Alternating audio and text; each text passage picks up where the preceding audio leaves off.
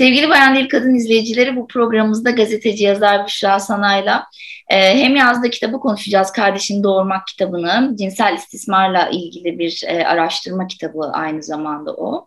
E, diğer yandan e, cinsel istismar vakalarını, e, sorunları ve çözümleri ve sosyal medyadaki adalet arayışı e, dolayısıyla cinsel istismar vakalarında rastladığımız riskleri konuşacağız aslında. Hani neler olabilir, nedir riskleri, çözümleri nelerdir bunları konuşacağız.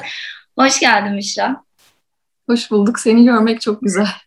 Benim için de aynı şekilde yani e, benim için biraz böyle dost muhabbeti gibi olacak zaten bu program ve yapamamıştık bu programı. Bir Uzun zaman yapamamıştık. Sonra o engeller kalktı şükürler olsun. Ee, şimdi evet. burada e, birlikteyiz ve seninle konuşacak olmaktan dolayı heyecanlıyım. Ben de. şimdi ben öncelikle ya gerçi şimdi konuşacağımız konu tabii ki tatsız bir konu ama e, olabildiğince e, hani net şekilde belki ifade etmeye çalışarak çünkü çok da karmaşık aynı zamanda insanların kafasının da karışık olduğu bir konu cinsel istismar e, konusu. Hem yazdığın kitaptan yola çıkarak kitabını konuşarak e, son gündeme hani böyle bir gelirsek e, o süreçte bir, bir ele alalım seninle birlikte. Benim kafamda da çünkü soru işaretleri var. Öncelikle sormak istiyorum. E, kardeşini Doğurmak kitabı kaçıncı baskı yaptı ya? Bayağı okundu. Çok ilgi gördü çünkü çok başarılı bir kitaptı. Ben çok etkilendim. Ee, çok teşekkür ederim Tuğba. Ee, 24. baskıyı yaptı. Bravo. E, 24 e, yüksek bir baskı rakamı ama baktığında bu benim için bir başarı değil. Çünkü bu rakam ne kadar yükselirse aslında bu ülkenin ve insanlığın başarısızlığı demek oluyor benim için. E, o yüzden mesela bunu sosyal medyada baskılar arttıkça, paylaştıkça da e, başarıyı değil insanların da buradaki aşağıya düşüşü görmelerini sağlamak için de bu yönde paylaşımlar yapıyorum. Ve çıktığı yıl bu kitap 2018 e, Şubat'ta çıktı ve aynı yıl e, korsana düştü. Hatta şöyle bir şey yaşamıştım. E, bir seyyar satıcıda gördüm korsanda. Aa dedim kardeşim ormak var. Abla vereyim mi 10 lira dedi. Sağ dedim. gibi bir şey yaşamıştım. Ve öyle bir boyuta geldi ki ara ara seninle de konuşuyoruz. üniversitelerde işte eğitim fakültelerinde işte sosyoloji bölümlerinde, psikoloji bölümlerinde, sosyal hizmet bölümlerinde e, hocalar öğrencilere sınavlarda bu kitaptan sorular sormaya başlamışlar. E, ben hiç bu, bunu düşünmemiştim. E, iş bu noktaya geldi ve geçen gün, bu arada ben Londra'dayım, e, sen de biliyorsun ve ben geçen gün tabii daha arkadan geliyor saat olarak burası. Hı. Neyse sosyal medyaya girdim. Sabah bir baktım işte Twitter'da, Instagram'da hep kitap paylaşılmış tamam mı? Ve şeyi anlıyorsun orada. Yine bir şey oldu, ne oldu? Elmalı davasına şey denk gelen Aynen. zaman değil mi? Ve evet. bu kitap yani öyle bir şey ki yaş- yaşayan bir kitap haline geldi. Aynen kurtlarla koşan kadınlar gibi. Evet. Ee, hani evet. onu da böyle açıp okursun ya hep böyle kitaplığında değil de masanın üstünde bir yerde, sehpanın üstünde bir yerde kalsın dersin. Başucuna koyarsın ya. Evet. Onun gibi bir şeye dönüştü. Yani kitabı açtığında çığlıklar yükselmeye başlıyor.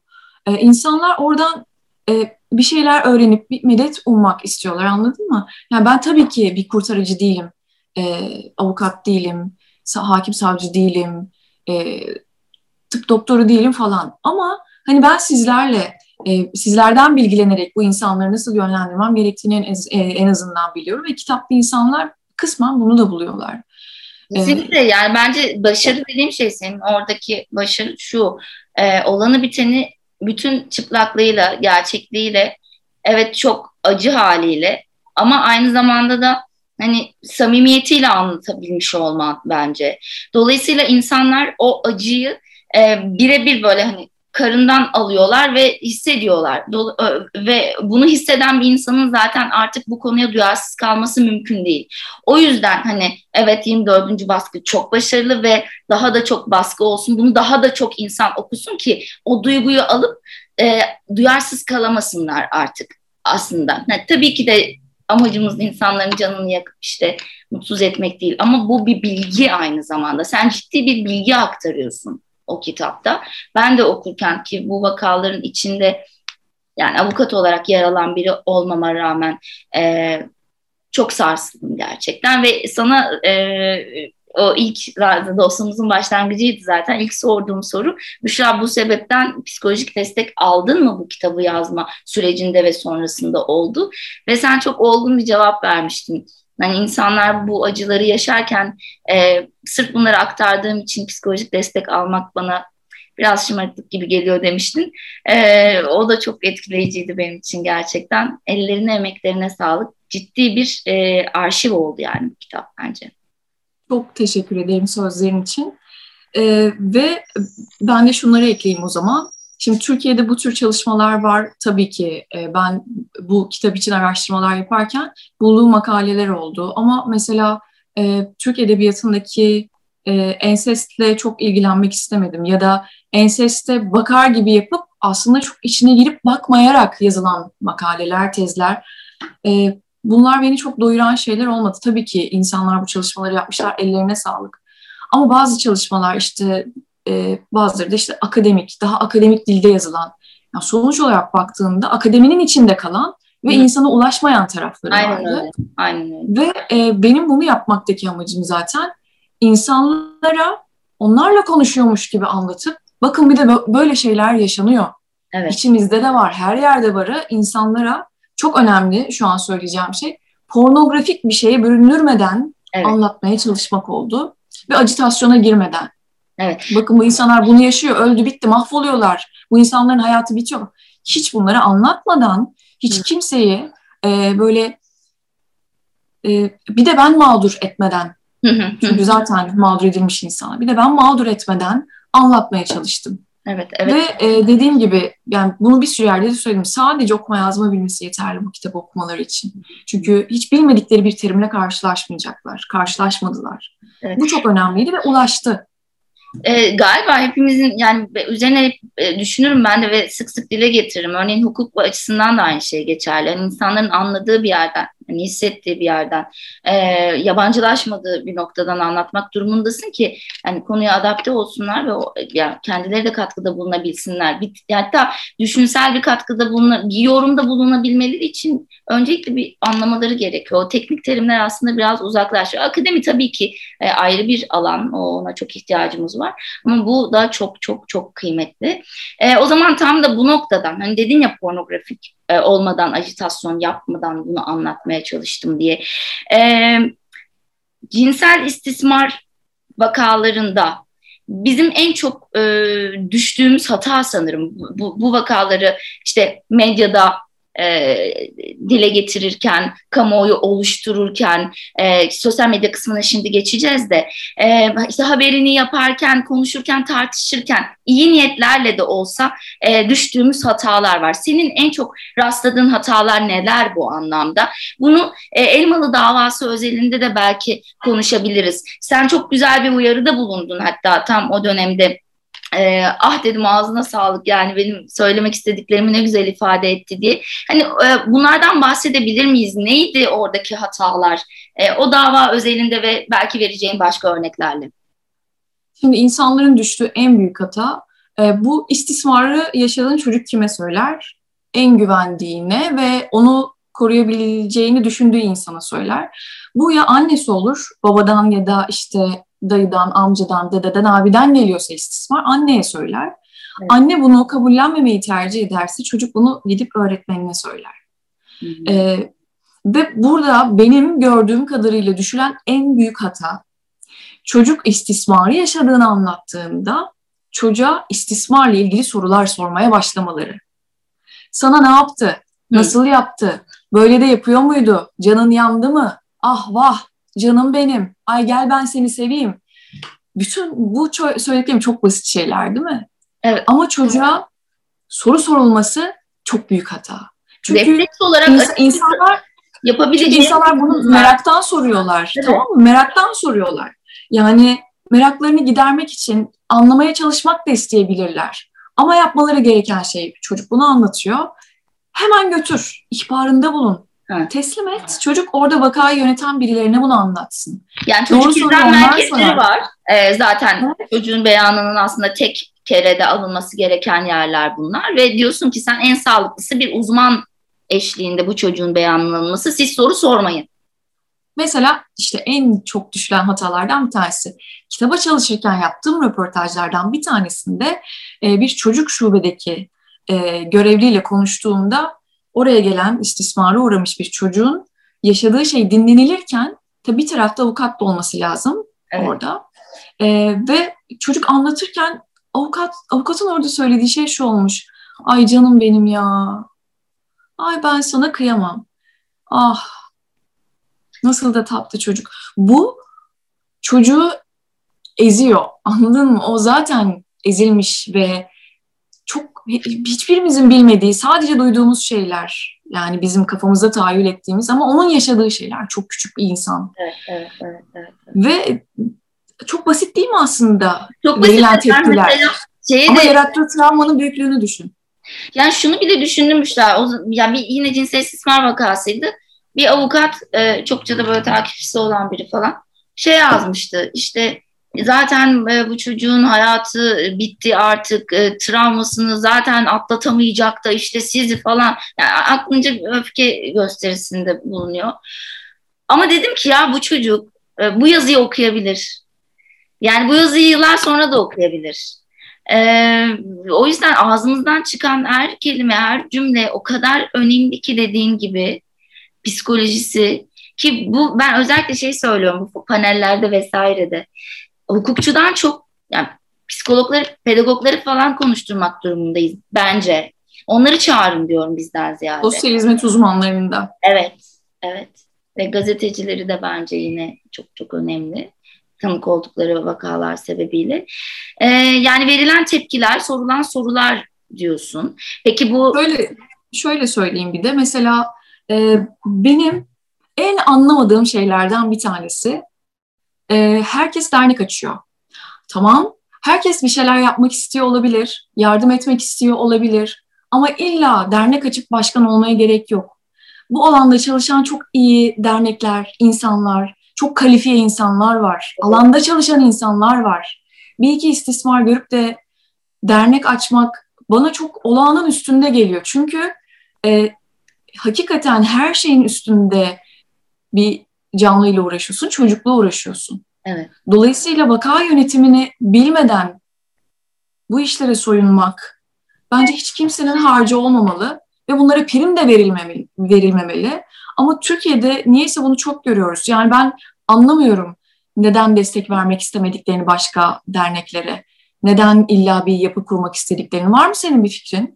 Çok doğru. Çok, bu kadının hak mücadelesinde de aslında böyle. Şimdi her e, derneğin farklı bir yoğurt işi olabilir. Farklı bir yerden e, yöntem tutturabilir. E, bu birbirini besler de ona bir sözüm yok. Ama e, tutup işte dediğin gibi her önüne gelen işte hadi biz de dernek kuralım falan diye ya, o zaman e, çok, o çok seslilik aslında bir yandan bizi bölüyor da ve e, bilinçlilik o, o farkındalıkla o, o derneği kurup o organizasyonu, o örgütlenmeyi yaratmak. Önemli olan zaten bir olmak, birlikte tek ses çıkarabilmek. Bence bu çok kıymetli. Farklı yöntemler deneyerek farklı mücadeleler verebilirsin. Ona sözüm yok. Ama böyle bir iddiası olmadan e, dediğin gibi e, yani her önüne gelenin işte ah şimdi ya, üzülen e, birazcık olanağı olan imkanı olan herkesin dernek kurması bana da hiç mantıklı gelmiyor. Ben bunu birazcık egosal bir problem gibi görüyorum açıkçası. Ben de öyle yani, görüyorum. Ve özellikle de böyle gönüllü hak mücadelelerinde bu egosal e, iddiaların zaten olmaması gerektiğini düşünüyorum. Yani burada zaten bizim egolarımızın bir kenara bırakıp e, onları yarıştırmadan e, ancak örgütlü ve koordine olabiliriz. O egolar zaten bir örgütün içinde de bölünmeler yaratıyor. Biraz buna bağlıyorum. İşte çocuğun üstün yararı diyorsak böyle bir şey kurulduğunda da çocuğun üstün yararını gözetmek zorundalar. Zor, zorundalar. Yani bu çok açık. Çocuk kendini koruyamıyor. Mesela geçen gün yaptığım röportajda e, Pınar e, Özdemir, o da sosyal hizmet uzmanı şöyle söyledi. Tabii konu biraz farklı bir yere gidebilir. Çocuk susar sen susma. diye bir slogan var biliyorsun. Evet. Dedi ki şu an çocuk susmaz. Evet. Çocuk susmaz ki. Onu okumayı bilmek gerekiyor. Onu anlamayı bilmek gerekiyor dedi. Yani işte bu da şeye geliyor biraz da. Yine de bak yine vaka yönetimine de geliyor bir taraftan. Altyapı olmadan üstte bir şeyler kurmaya çalışıyorsun tamam mı? Medyadaki gücü sağlamaya çalışıyorsun bir taraftan. Yani bunun bambaşka bir şeye dönüştüğünü ve e, bu konuda çalışmanın tam olarak bazı derneklerce anlaşılamadığını düşünüyorum ben. Peki e, buradan yani sosyal medyaya da bağlayarak birlikte konuşacak olursak özellikle bize de çok gelen bir soru. Ben yani sosyal medyada adalet arayışı ne gibi riskler barındırıyor diye soruyorlar. Elbette birçok risk barındırıyor. Ama e, mesela Elmalı davasında gördüğün yanlış neydi ve buna benzer ne gibi yanlışlar yapılıyor? Çocukların çizdiği resimlerin sosyal medyaya verilmesi. Ee, o, bir, o çocuklar mı çizdi o resimleri? Hı.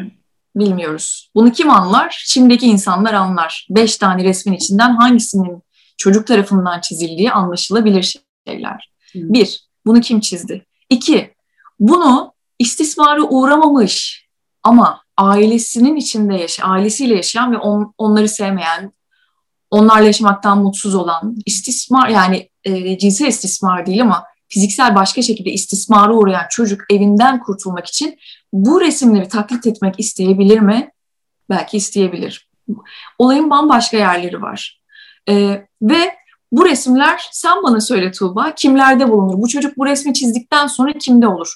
Ee, davaya bakan avukatta olur.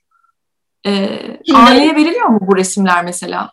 Aile, aile, aile değil mi? Yani dosyadan alabilir. Neticede aile üzerinden davalar yürüdüğü için hani o tabii ki dosya üzerinden ulaşabilir ama bizzat aileye teslim edilmez böyle bir prosedür yok zaten ama bence e, aileden bile saklanabilir özel bilgi olarak neden olmasın ama tabii vekaleten e, vasi olarak daha doğrusu yürüttükleri için e, orada bir şey var yani hani mecburen alabilir gibi bir durum var. Sonra biliyorsun bakan açıklama yaptı. E, o çocukların çizdiği resimler değil biz de olayın takipçisiyiz dedi. E, başka yanlışlar mesela ya da anlamadığım belki de hepimizin ortak e, anlamadığı şeylerden bir tanesi neden e, çocukların yaşadığı istismar e, böyle bu resimler mesela ortaya çıktıktan sonra daha fazla konuşulur oldu. Bir çocuğun istismara uğradığı bilgisi oraya atıyorum Twitter'a yazıldığında neden aynı sesi getirmiyor? İlla insanların bir görsele mi ihtiyacı oluyor? Mesela kitapta röportaj yaptığım İlksan Başarır, Atlı Kayınca'nın yönetmeni. Evet. E, o filmini konuşmuştum onunla ve bana dedi ki, dedim ki filmden sonra gelen eleştiriler, yorumlar nelerdi? Filmi hiç cesur bulmadığını söyleyen birisi oldu dedi. Neden dedim? Çünkü istismar sahnesini çekmemişim dedi. Ve söylediği şey şuydu. Ben yönetmenim, evet. elimde bir kamera var Evet. Ve ben bir şeyi göstermeden göstermeyi çok iyi biliyorum. Ve bunu gösterdim dedi. Neden biz e, insan olarak? Bu arada. Efendim? Çok başarılı bir filmdi bu arada. Yani zaten Kesinlikle. bence büyüsü orada yatıyordu yani hani o çok çok çok kıymetli bir mesaj vermişti ve Türkiye'de sanırım bu alanda yapılan ilk hani yeni dönem e, çağdaş e, Türk sinemasının ilk filmlerinden biriydi diye hatırlıyorum değil mi? Daha başka sanırım başka film yani, ben de hatırlamıyorum zaten. Evet. Ee, yani bunu söylemişti. Biz niye bu görselleri paylaşmak ihtiyacı duyuyoruz? Ya da birileri bunu paylaşıyorsa neden e, çıkıp özür dilemiyor, evet bunu yaptım demiyor, neden tepkiden korkuyor? E, bir insan hata yapabilir ama bunun farkında olduğunu izah da etmeli bence çıkıp. Bu da başka bir örnek olur çünkü hepimize. Bir de yani şey o kadar kolay ki telefon hepimizin elinde ve biz sinirlerimizi bozan bir şey gördüğümüzde işte ağaç kesildiğinde, çocuk istismarında, hayvan şiddetinde hiçbir şey anlamadan, sorgulamadan biz oraya çıkıp hemen retweet ya da beğen tuşuna basıyoruz ya da sosyal işte Instagram'ımızda paylaşıyoruz. Şunu anlatmaya çalışıyorum. Yani bir sorgulayın. Bu nasıl olmuş? Ne zaman yaşanmış?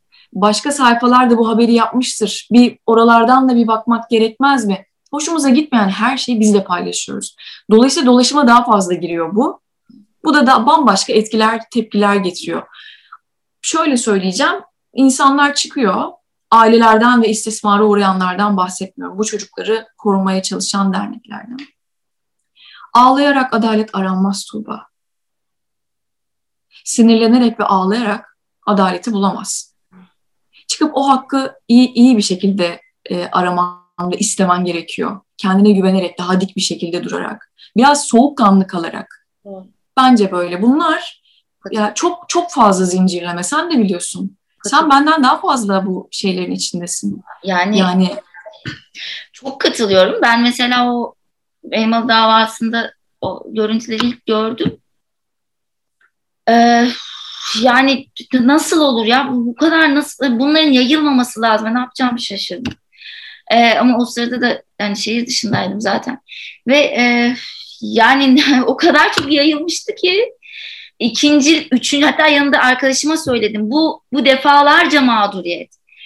Yani bu görüntülere maruz kalmak da bir şiddete maruz kalma biçimi aslında. Biz de travma yaşıyoruz bu esnada onları izlerken. Dediğin çok doğru. İlla acı çekerek mi dile getireceğiz e, hakkımızı, isyanımızı?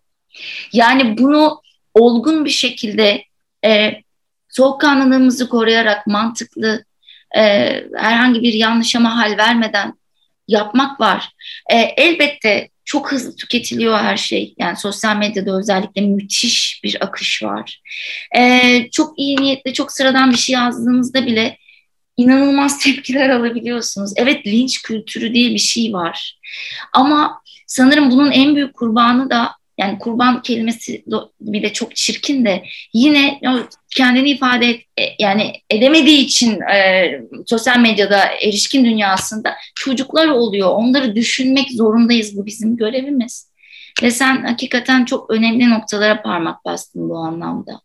Peki sosyal medyada adalet arayışı bu somut delil noktasında ne demek istersin? Yani bu dördüncü yargı paketinde de geldi e, biliyorsun somut delil e, olmadan tutuklama olmaz gibi bir hüküm var. Şimdi onun tabii detayını da yazdık hatta seninle de konuştuk ama e, cinsel istismar vakalarında bu somut delil bulmak bu kadar kolay mı? Yani e, bir arada değerlendirirsen bize. Ee, yani sen de biliyorsun ki cinsel istismar davalarında somut delil bulmak çok kolay şeyler değil. Ee, mesela benim görüştüğüm ve röportaj yaptığım mağdur edilen e, insanlarla yaptığım konuşmalar ya da dosyalarını incelemiştim. Ee, yani çok azdı e, somut delil. Hı hı. Özellikle kendisi de karakola götüren mesela bir gece çok Menderes'te bir olay vardı. O kitapta da var. Şimdi detayını anlatmayayım. Yani çok kolay değil e, tabii ama e, biraz teknik açıdan da bir hakimle konuştum. O anlatmıştı. E, bunu pekiştiren illa somut delil değil ama onu e, pekiştiren başka şeyler de olabilir e, demişti. Sanırım bunu e, bunun üzerine biraz daha konuşmak gerekebilir.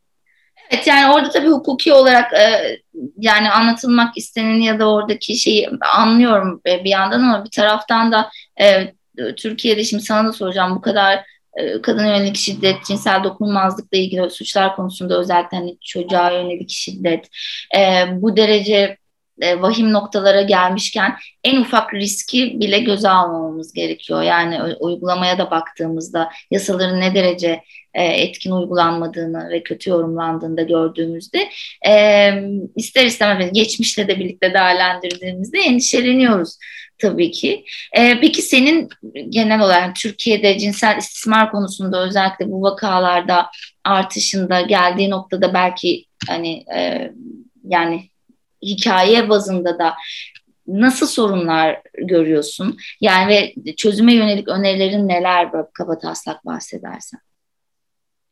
Ee, şimdi bunu kitap süresince de kitap bittikten sonra da çok anlamaya çalıştım. Eskiden bu kadar çok değil miydi? Biz sosyal medya çıktığı için mi bu kadar fazla duyar olduk diye. Ee, bunun yanıtını hiçbir zaman bulamadım açıkçası. Çünkü herkes bambaşka yanıtlar verdi. İşte 1940 doğumlu bir insanla da konuştum. Ee, işte 1960-70 doğumlu bir insanla da konuştum. Hani o dönemleri de anlamaya çalıştım ama e, yoktu öyle şeyler. Bilmem ne falan diyen pek çok insan vardı ve bunun yanıtı hala yok. E, ama bana sorarsan e, bu her zaman olan bir şeydi. Ama çok çoklaştı mı onu hala bilmiyorum Tuğba. Senin bu noktada görüşün ne olur ama çok fazla var. Yani raflarda bekleyen çok dosya var. Mesela bu davalarda nasıl önerilerim olabilir? Dava süreçleri çok uzamamalı belki. Hemen bir e, yanıta daha kolay gidilebilmeli. Kitapta konuştuğum sosyolog İnan Keser şöyle bir şey söylemişti ve düşününce hakikaten bence çok e, mantıklı. Sadece bu davalara bakan mahkemeler olmalı dedi. Bir mahkeme sadece bu davalara bakmalı. Ticaret e, anlamında bazı davalara bakıp kararlar verip hemen oradan çıkıp istismar davasına girmemeli dedi. Evet. Ee, Biliyor musun yani, İstanbul Sözleşmesi'nde buna ilişkin bir düzenleme vardı. Yani var. İstanbul Sözleşmesi duruyor durduğu yerde. Biz oradan gitmeye çalıştık da evet. kabul etmiyoruz o ayrı da. Hani uzman mahkemeler hakikaten çok çok kıymetli bir şey. Sonra e, onu da düşününce şöyle bir şeye vardım. Sadece istismara bakan mahkemeler ve heyetler olursa e, bu insanların da sürekli bir e, psikolojik destek almaları gerekebilir mi acaba diye düşünmeye başladım ve en son hani devlet bunu karşılamak ister mi? Buna tamam der mi? Böyle bir şey mümkün olur mu? Başka ülkelerde var mı mesela senin bildiğin sadece istismar davalarına bakılan heyet, heyetlerin olup olmadığı? Genel olarak ceza hukuku e, çatısında ceza mahkemeleri bakıyor. Benim bildiğim yok belki de vardır ama e, herhalde olsa birebir örneklendirirdik diye düşünüyorum ama e, artık dünyanın da oraya doğru gitmesi gerekiyor diye düşünüyorum. Belki az önce de söylediğin şey hani acaba arttı mı bize mi öyle geliyor e, noktasında bence artık iletişim vasıtalarımız çok daha hani arttı ve kolaylaştı. Yani bu e, telefonlar üzerinden çok daha kolay birilerine ulaşıp haber verip yardım isteyebiliyoruz, destek isteyebiliyoruz. E, bence bununla ilgili bir şey. E, yani o yüzden de birazcık fazla tabii e, görünüyor olabilir ama şeye baktığımda yani zaten sadece ben kendi alanımda hukuk hukuki gidişata baktığımda bile e, usul bakımından kötüye bir gidiş olduğunu söyleyebilirim. Yani bu özellikle etkin uygulamama yasaları, cezasızlık algısının yayılması, indirimler vesaire noktasında e, hakikaten şey yani adeta e, siyasi iklimin de e, yansıdığı e, hukuki vakalarla karşı karşıyayız. Yani bunun olmaması gerekiyor aslında. Bir de mesela bu Elmalı davasında o resimler ortaya çıktı. Tabii bir sürü insan linç etmeye başladı. Burada hoşuma gitmeyen şeylerden bir tanesi açıkçası e, yıllardır bu haberleri yazan, anlatmaya çalışan gazetecilerin, e, işte mecliste konuşma konuşan e, siyasetçilerin de bu resimleri paylaşması oldu. E, yani makineleşmiş gibi olduk anladın mı? Yani böyle yani ön, önden önden vermişler hani e, hiçbir şey yazmadan vermişler. İşte alın size dergi. Ben de şok oldum. Ben çok doğru söyledin. Bu alanda uzman kişi, yani kanaat önderleri, büyük kitlelere hitap eden kişiler yaptılar bu paylaşımları ya. Sanatçılar yaptı, oyuncular yaptı. Ama hiç kimsenin hani durup düşünmeye vakti yok diye bir şi- şiir var biliyorsun. Ee, hakikaten yok mu? Bence bayağı zamanımız var bir şeyleri düşünmek için. Dolayısıyla işin ucunun nereye gittiğini düşünürsek sadece biraz empati yapmak gerektiğini düşünüyorum. Hı hı. Bunu yaşayan benim çocuğum olsaydı, bu paylaşılanlar onun çizdiği resimler olsaydı ben ne yapardım hı hı. diye düşünmek gerektiğini düşünüyorum. Çok doğru. Sanırım şey e, o belki özü orada yatıyor ama bence senin gibi e, insanların da daha çok konuşması da lazım ve e, sizin gibilere söz verecek mecraların da artması lazım. Hani böyle bilinçli bu işi hani en azından e, okumuş, farkında olan Tabii ki başta hani e, sosyal hizmet uzmanları, psikologlar alanında uzman kişiler vesaire olmak üzere e, ve çocuklarla muhatap olan herkesin alandaki işte karakolundan yani adli makamlardan tut kolluk makamlarına kadar e, eğitim alması gerekiyor. Hani nasıl davranması gerektiği konusunda işte bunların hepsi e, İstanbul Sözleşmesi'nde var yani isteseler yine uygularlar. Yine uygularlar e, o olayda, Elvan olayında e, tabii öyle bir linç oldu ki sonra biliyorsun anne e, elindeki belgeleri paylaşıp tweetler attı. Evet. Dolayısıyla istismarcı bir babadan da söz ediyoruz Tuğba. Tabii hala yargı süreci devam ediyor.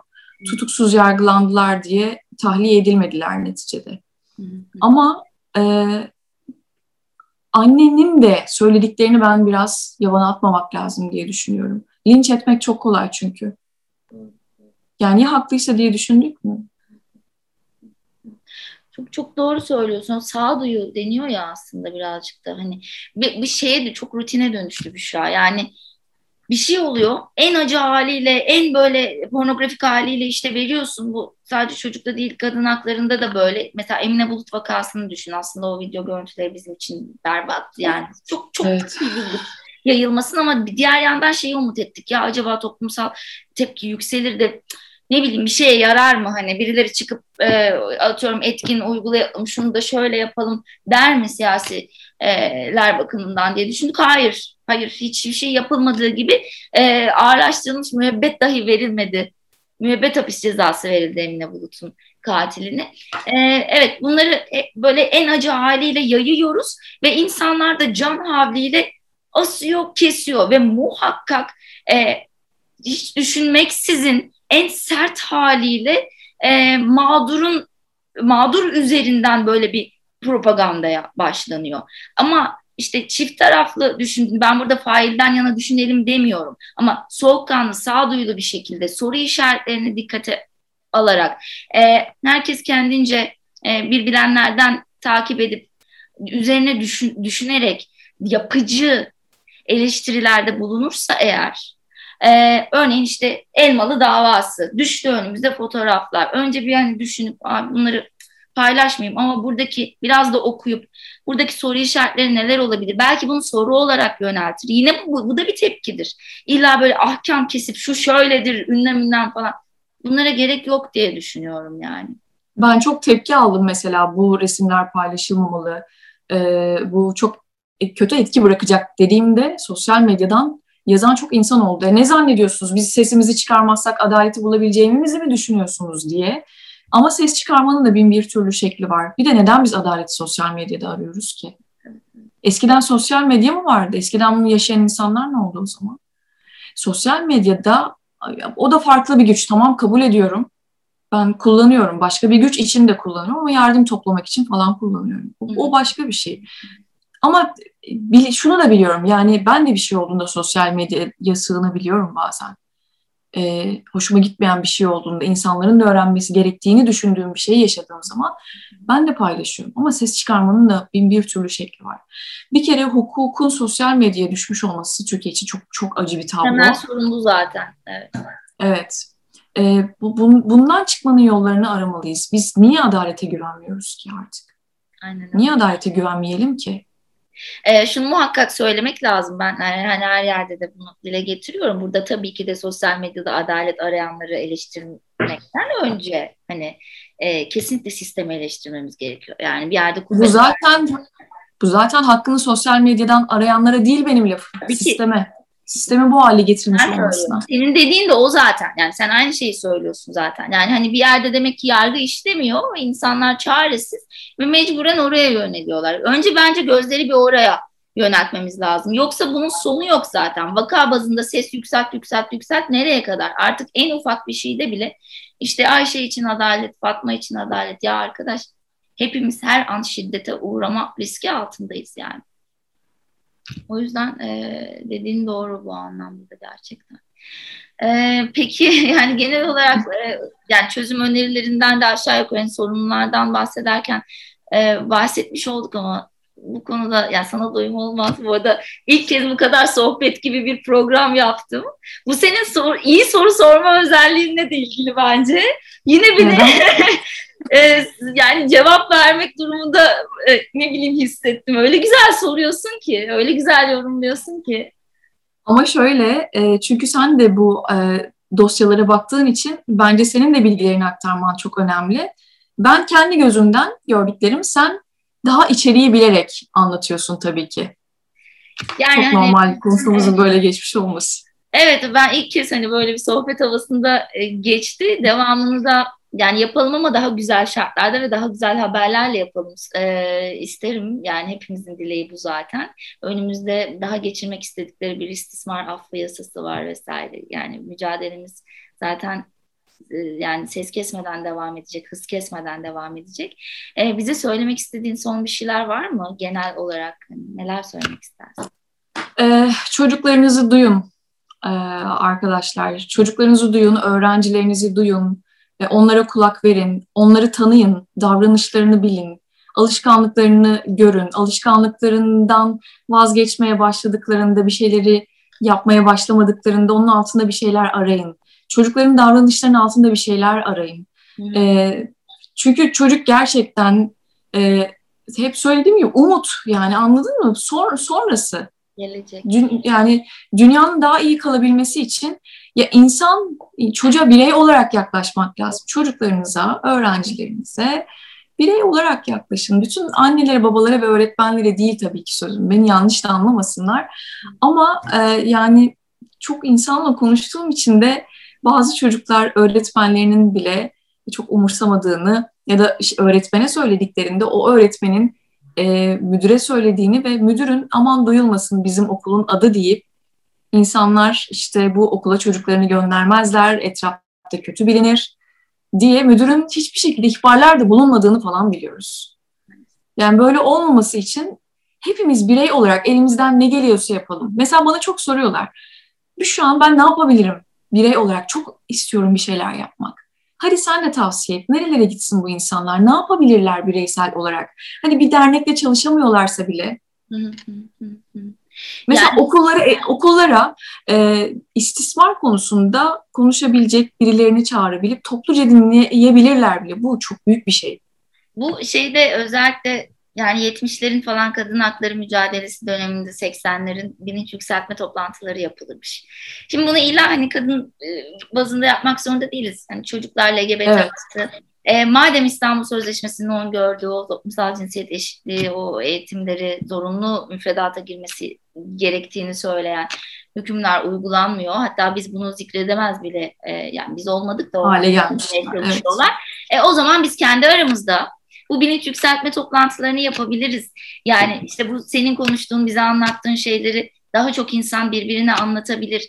Bunları kendi herkesin bir sayfası var. Sayfası üzerinden yapabilirler komşusuna, eşine, dostuna, akrabasına anlatması bile bence çok büyük bir kazanımdır. Bu şey gibi herkes kapısının önünü temizlerse gibi bir şey aslında. Ve bence çok küçümsüyoruz bu bireysel e, girişimleri. Ama tabii ki de her zaman için toplu ses yükseltmek adına kolektif mücadele çok kıymetlidir.